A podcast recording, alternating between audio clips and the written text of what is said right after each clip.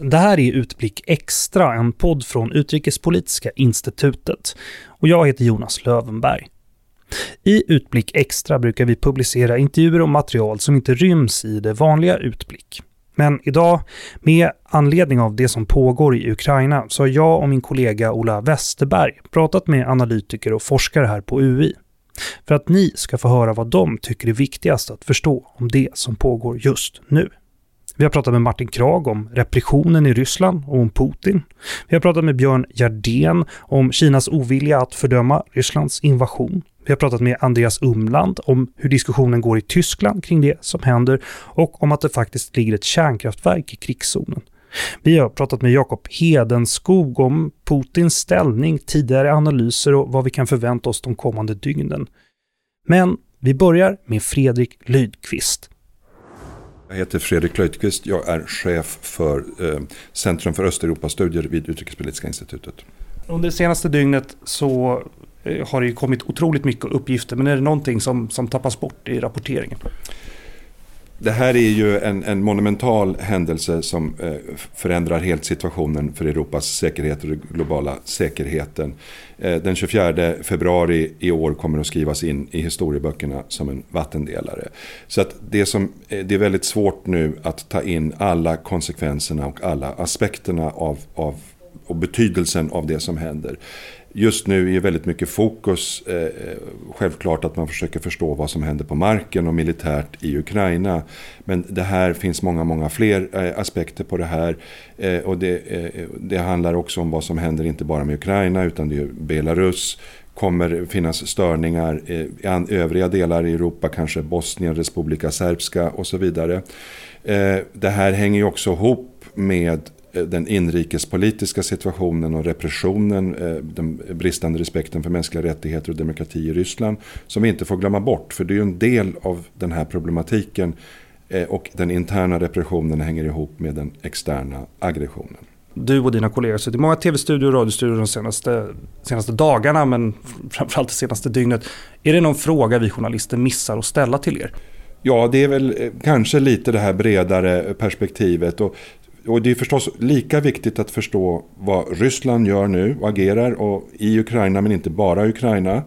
Eh, eh, men det är också viktigt att förstå att det här är en dynamisk situation och det är också viktigt att förstå eh, västsvar, västrespons på det här. Och här har ju vi också som eh, ska jobba med, med, med analys och policyrekommendationer också ett ansvar att försöka tänka igenom vad det här betyder och att förse våra policymakers och policy shapers med, med god analys och eh, eh, eh rekommendationer. Om man eh, tittar lite framåt i tiden då, kan man säga någonting om vad vi kan förvänta oss eh, de kommande veckorna här?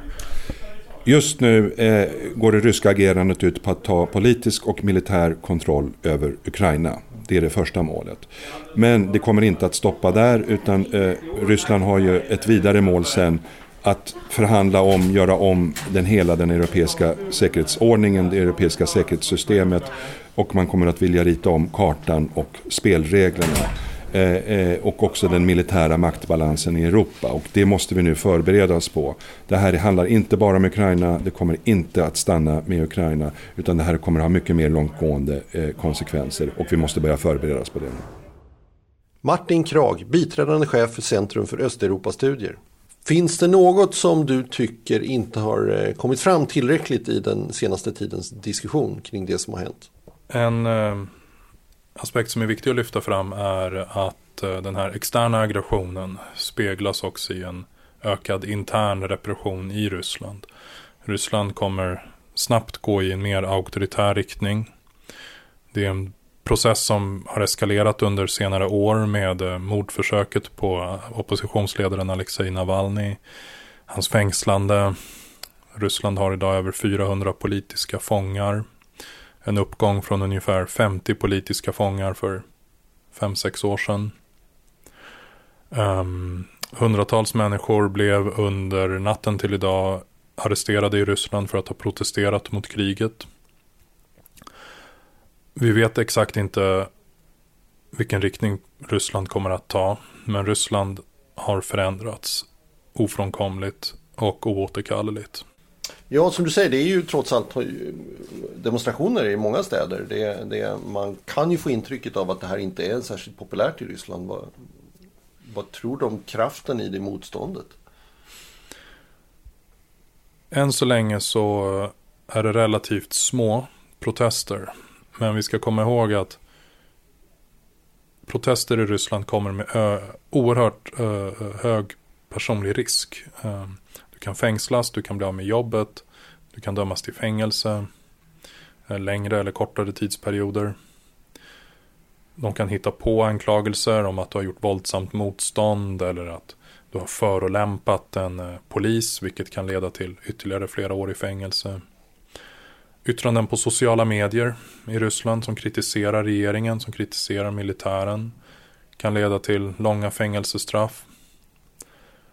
Så vad vi kan förvänta oss är en situation där Ryssland nu å ena sidan förstör, plågar eh, det ukrainska folket med sin militära kampanj. Samtidigt som Rysslands utveckling i den här auktoritära utvecklingen enbart kommer att fortsätta. Det finns ingen hejd på den här utvecklingen så länge Vladimir Putin sitter kvar vid makten. För att allt det här drivs av hans egna övertygelser, hans ideologiska uppfattningar, hans idé om att återställa ett, eh, ett ryskt imperium, en rysk stormakt. Och eh, han vill gå till historieböckerna som ledaren som var stark, som höll makten, som behärskade andra länder och som avgjorde frågor om krig och fred. Och eh, det här är den ofrånkomliga konsekvensen av hans politiska logik. Men stärks eller försvagas hans grepp om makten av eh, Ukraina-insatsen? Man skulle ju såklart vilja säga att eh, nu försvagas hans makt. Nu är det slut. På ett sätt är det här början på slutet. Det här är givetvis en eh, enorm strategisk eh, blunder. Även från det snävt ryska statsperspektivet betraktat. Putin har ju för all framtid eh, alienerat och repellerat det ukrainska folket. Ett land med vilket Ryssland har starka historiska kulturella band. Och eh, Ryssland kommer att isoleras allt mer från väst, från omvärlden. Och man kommer bli allt mer beroende av Kina. Ett land som, eh, precis som Ryssland, är ett mycket auktoritärt land. Men som till skillnad från Ryssland är en ekonomisk gigant. Så eh, han har försvagat Ryssland. Han har stärkt möjligtvis sin egen position. Men Putin kommer ju gå till historieböckerna som mannen som förstörde Ryssland. Finns det någon som har Putins öra i det här läget som kan nå fram till honom? Om Xi Jinping ringer och säger att mm. nu får du skärpa dig. Skulle han lyssna då? Dilemmat är ju eh, att Kina är ju det enda land som gynnas. Så Kina bidar ju sin tid och låter Putin dingla där längst ute på den kvisten där han nu hänger kvar. Så Kina har ingenting emot den här utvecklingen. Det är ett stort problem. Internt i Ryssland så eh, finns det idag inga balanserande motvikter i det politiska systemet. Vi får utgå från att Putin kan avgöra och styra dessa frågor enväldigt. Det har tidigare funnits en diskussion om att han fattade beslut inom en snäv krets av likasinnade de senaste dagarna och framförallt det här mötet man sände på tv då från det nationella säkerhetsrådet som ju ska vara den här snäva gruppen. Um, det mötet gav ju snarare för handen att ehm, Putin eh, inte alls lyssnar på dem. Han vill bara att de ska bekräfta hans egna beslut. Han omger sig av folk som inte säger emot honom, inte kan eller vågar eller har för intellektuella förmågan. Så ehm, vi får utgå från att eh, Putin är isolerad eh, och att han eh, kommer att fatta beslut eh, på egen hand och att han sannolikt också fattar dessa beslut på en världsbild som är förvrängd och felaktig. Har då denna krets intresse och förmåga att avsätta honom? Det är för tidigt att spekulera kring sådana scenarios. Vi vet att från historisk erfarenhet, när man tittar på den här typen av personcentrerade autokratier, så brukar maktskiften bli plötsliga, abrupta, de sker med lite förvarning, de sker av skäl som inte har med eh, några konstitutionella mekanismer att göra. Ledare som Putin brukar bytas ut genom att ledaren dör, en palatskupp eller en eh, revolution underifrån. Det är de statistiskt sett vanligaste eh, sätten som sådana här system byter sina ledare. Um, exakt när och hur det här kommer ske är för tidigt att säga. Men eh, det är ju en kontrast om man jämför med exempelvis eh, vad man brukar kalla partidiktaturer som det kinesiska eller eh, andra liknande system med ett parti som har makten. där tenderar makten att byta händer enligt mer förutsägbara och stabila former i och med att partiet hela tiden behåller auktoriteten. I Ryssland så är det Putin. Allting hänger kring Putin, en person. Och personkulten som har byggts om, upp kring honom. Och det betyder att eh, Ryssland eh, kommer att gå in i en ny fas av eh, instabilitet och oförutsägbarhet. Om det blir någon maktskifte eller inte är omöjligt att spekulera om. Men vi vet att det kommer ske och att det kommer bli stökigt. Björn Gedén, chef för Nationellt kunskapscentrum om Kina. Kina har ännu inte velat göra några kraftiga fördömanden av Rysslands invasion av Ukraina. Vad har Kina för roll i allt det här? Ja, det finns fortfarande en del oklarheter kring Kinas roll och även kring Kinas position som sådan. Mm. Kina har ju inte fördömt Ryssland, man har inte kritiserat Ryssland på något sätt faktiskt skulle jag säga. Eh, däremot har man kritiserat USA. Eh, och man lägger skulden på det som har hänt på, på USA eh, istället. Och man har också kritiserat de eh, sanktioner som har riktats mot Ryssland från EU, USA och andra länder. Eh, så Kinas position är lite otydlig samtidigt som man av allt att döma ändå backar upp Ryssland. Har Kina något eget intresse i att Ryssland lyckas med det här de har tagit sig för? Eh, ja, det kan finnas vissa vinster för Kina. Eh, en sådan är att Kina och USA är ju inbegripna i en maktkamp och USA har ju Eh, deklarerat att man vill flytta en större del av sitt fokus från Europa till Östasien för att kunna hantera Kinas framväxt. Eh, och om vi nu har ett långvarigt krig och en spänd situation i Europa framför oss kan ju det såklart göra att USAs uppmärksamhet måste riktas dit istället för mot Kina. Så det är ju en vinst mot Kina. Samtidigt finns det ju risker för det här också. Eh, det finns risker för Kina med hela den här situationen. Eh, både direkt att de sanktioner som nu riktas mot eh, Ryssland kan komma att skapa problem för Kina också. Kan Kina indirekt sanktioneras på något sätt? Så det är en, det är en oro för Kina och det skapar ju också mycket osäkerhet i det internationella systemet, vilket kan leda till problem för Kina. Kan eh, det som sker i Ukraina nu Eh, påverka hur kanske Kina ser på sina grannländer? Ja, alltså det som vissa har lyft fram är då eh, huruvida det här kommer att påverka Kinas vilja att agera gentemot Taiwan.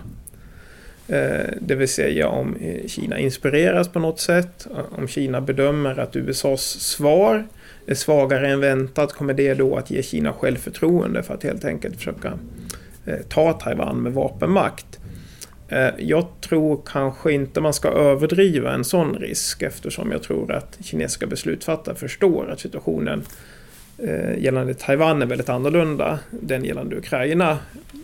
Eh, USA har ju tidigt och tydligt deklarerat att man inte avser att gå in med militär för att stötta Ukraina. När det gäller Taiwan däremot så är ju de flesta bedömare ense om att det finns en eh, hyfsat stor sannolikhet för att USA skulle gå in och hjälpa Taiwan militärt om, om Kina anföll. Och det vet såklart kinesiska beslutsfattare. Så jag tror kanske inte att man får en direkt inspiration utifrån det. Eh, med det sagt så kommer ändå USA svar på den här situationen i Ukraina påverka hur Kina ser på maktbalansen i världen hur man ser på USAs vilja att agera, USAs kapacitet att agera. Så, så långsiktigt tror jag ändå att det kan få indirekta konsekvenser för hur Kina agerar i sitt närområde. Är det något utifrån ditt perspektiv som du tycker har tappats bort i rapporteringen kring det här? Ja, som jag sa tidigare så tycker jag att det finns en del osäkerheter eh, kring Kinas position. Och i rapporteringen framställs det ofta som att Kina egentligen motsätter sig Rysslands agerande. Men att man, eh, eftersom man vill värna förhållandet med Ryssland, inte kritiserar sin, sin eh, partner. Eh, och så kan det vara. Men jag är inte 100% säker på att det är så. Det vill säga, jag tror ändå att vi ska vara öppna för en möjlighet där Kina har förståelse för Rysslands agerande. Eh, Kina ser ju sig själv som inbegripet i en långvarig maktkamp med USA, där USA försöker förhindra Kinas framväxt. Eh, och kan det vara så att man ser eh, det som Ryssland nu gör i Europa som en parallell till Kinas maktkamp mot USA? Det vill säga, ser man från den kinesiska ledningens sida att Kina och Ryssland tillsammans utkämpar eh, en, en eh, maktkamp mot USA och, och dess allierade. Och att man därför helt enkelt kanske inte stöttar Rysslands agerande fullt ut men ändå har förståelse för det som någonting oundvikligt. Eh, ett, ett, ett svar på USAs orättfärdiga försök att, att eh, hålla Ryssland tillbaka på samma sätt som man håller Kina tillbaka. Eh, och jag säger inte heller att, att det nödvändigtvis eh, är på det här sättet. Va? Men, men jag tror att det kan vara en möjlighet som skulle hjälpa till att förklara en del saker i Kinas agerande som annars eh, ter sig lite märkliga. Andreas Umland, analyst at the Stockholm Center for Eastern European Studies. Is there anything in particular that you think has not been discussed enough at this time? Well, I don't know the uh, Swedish debate as much, but what I observe in this uh, in the German debate that the um, Ukraine issue is uh, in a way externalized. So um, this is very much about empathy and about solidarity and help and and the, and the errors that also that, that Germany has done in that and the sort of moral issues as well and um, uh, and sometimes people talk about wider implications. What does it mean for our European security order and so on? And that's all, all very uh, well and good, but um, we are now in a world where already um, there are also material national interests of Western countries and all of that. So, for instance, in southern Ukraine, there is now um, war in a zone where the largest nuclear power plant of Europe is located with six active reactors. And um, first, there's the question: you know, may the could the reactor be hit? Second, um, these large um, nuclear power plants they need a, need a certain infra and personal structure to function. So you know these are huge enterprises that uh, where you know you need the the engineers, the the water, and so on. You know, it all has to function well in order that the nuclear power plant um, fun functions. Um, and the third issue is if, for instance, this uh, power plant goes out of operation and without any accident, basically half of Ukraine will be without electricity. And um, you know, and what do you do then? And then you, you would have actually millions of um, of, of refugees. And you know, for Sweden, that maybe that is not that much of a problem because Sweden simply uh, separated from Ukraine or from the from the continent by uh, by the Baltic Sea. But for countries like Germany. Uh, Germany is very popular in in Ukraine. You know what what would Germany do after you know the second million, let's say, of refugees ar- arrives? Uh, we had a huge uh, uh, sort of a huge discussion in Germany in 2015 when Angela Merkel let in 1 million uh, uh, refugees. There are 40 million people living in uh, in Ukraine. If now um, millions and millions of U Ukrainians may have no other choice than to leave because you know electricity, heating, uh, food, um, water, and all of this. Uh, the uh, the the currency is going down. The banking system is not working any any longer properly. So if all that doesn't work anymore, the people will simply leave uh, by whatever means they, they find, and then then the question is how much could the um, could such countries as uh, as Germany stomach actually? You know what what do you do when when when it's not just two hundred thousand or half a million, but when it's three, four, five million people actually uh, arriving, or perhaps even 10 million people arriving. So I think that is missing. And then the other big issue that is missing here that this uh, whole uh, um, story between Ukraine and Russia since 2014, if not before, actually puts the logic of the nuclear non-proliferation um, uh, regime on its head, because the the larger background is, of course, that Russia is a nuclear weapon state. It has the largest amount of nuclear warheads in the world. And the problem here is that Russia is explicitly allowed to, to have nuclear weapons. With Ukraine, it's the opposite. Ukraine is a non nuclear weapon state.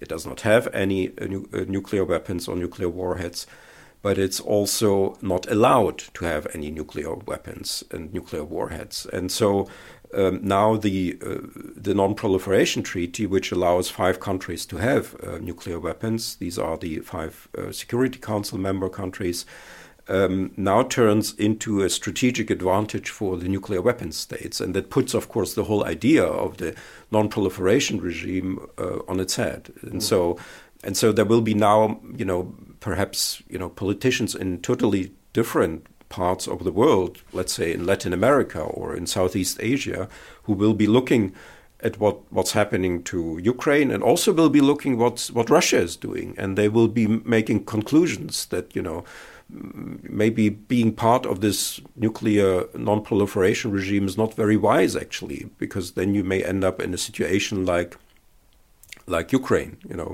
you, you, are forbidden to have nuclear weapons, and then somebody will come and take a piece of land from you, or will even attack you. I mean, that that was already the issue actually in 2014 when Crimea was annexed. Uh, but now it's even more uh, urgent. So I think that uh, this part in the debate is missing. That that it's not only about solidarity and morality and ethical issues and, and European values and stuff like that. It's actually now about the security of our continent and of, of you know of, of us and our children, our grandchildren. You know which what will be the world they will be living in, and so. Um, um, that that is something that at least in the German discussion is very much missing. It's still very much externalized. It's almost you know as if Ukraine is is Tibet or something. You know, it's uh, on on the sort of mental map. It's far away. It's outside the EU. It's outside NATO. We are in the EU. We are in NATO. Germany, um, and that's why it doesn't really concern us. It's it's a matter of you know solidarity, morality, but it's not really about us, and and it's not any longer, I think. Jakob Enskog, analytiker på Centrum för Östeuropastudier. Tidigare veckan var det inte riktigt någon som trodde att Putin skulle gå så här långt. Har, har man missat något i analysen? Jag tror att vi naturligtvis eh, hade det här med i beräkningen att eh, att det här skulle kunna ske. Det har varit ett av de scenarier som vi har arbetat fram och som flera andra har gjort. Men eh, huvudscenariot var väl att eh, att eh, den här truppansamlingen vid gränsen skulle användas som ett påtryckningsmedel i de diplomatiska samtalen. Men, eh, och det kanske var ett önsketänkande så här i efterhand med tanke på att eh, truppansamlingen var så konsekvent och så stor eh, och att eh, det, den ökade successivt under så lång tid. Om man tittar utanför Ukrainas gränser, då är det något vi ska vara uppmärksamma på där? Naturligtvis eh, flyktingströmmar och ehm, hur eh, Ukrainas grannländer reagerar och också NATOs truppansamlingar eh, i grannländerna, de baltiska staterna, Polen, Rumänien, Bulgarien och så vidare. I ett längre perspektiv, kommer det här att stärka eller försvaga Putins ställning tror du? Absolut försvaga. Alltså, det finns ju en opinion i Ryssland som eh, trots stora risker så väljer många att gå ut på gatorna och protestera mot eh, det här kriget. Och eh, det här kan inte leda till annat än att Putins ställning försvagas för att den internationella isoleringen av Ryssland det blir, blir någonting som kommer drabba den ryska ekonomin något alldeles kolossalt och därmed också ryska medborgare. Under det senaste året så har också repressionen i Ryssland ökat kraftigt. Då. Man, till exempel så har man förbjudit organisationen Memorial och andra politiska organisationer. Finns det något samband med den här repressionen och det som händer nu? Absolut, den interna repressionen och den externa aggressionen det är ett kommunicerande kärl som förstärker varandra. Vad kan vi förvänta oss under de kommande dygnen då, tror du? Det är fortfarande ett stadium av ehm, förbekämpning för, från Rysslands sida. Man försöker slå ut militära installationer, flygfält, eh, luftvärnsinstallationer och så vidare. Eh, innan man sen, tanken är att man ska kunna föra in marktrupp i en större, större omfattning. Så att eh, de här explosionerna som man har hört i Kiev till exempel de senaste dagarna, de kan vara, syftet med dem kan vara att, att ehm, avslöja radarstationers beläggning som man sen ska kunna kunna slå ut dem. Eh, sen kan det här kriget kan få en helt annan karaktär om, om några dygn eller några veckor möjligen då, då eh, Ryssland förväntas att föra in ännu mer av marktrupper. Nu har du lyssnat på Utblick Extra, en podd från Utrikespolitiska institutet. Glöm inte att lyssna på vanliga Utblick, som du också hittar där poddar finns. Och jag tycker också du ska läsa Utrikesmagasinet där min kollega Ola Westerberg är redaktör. Jag heter Jonas Lövenberg. På återhörande.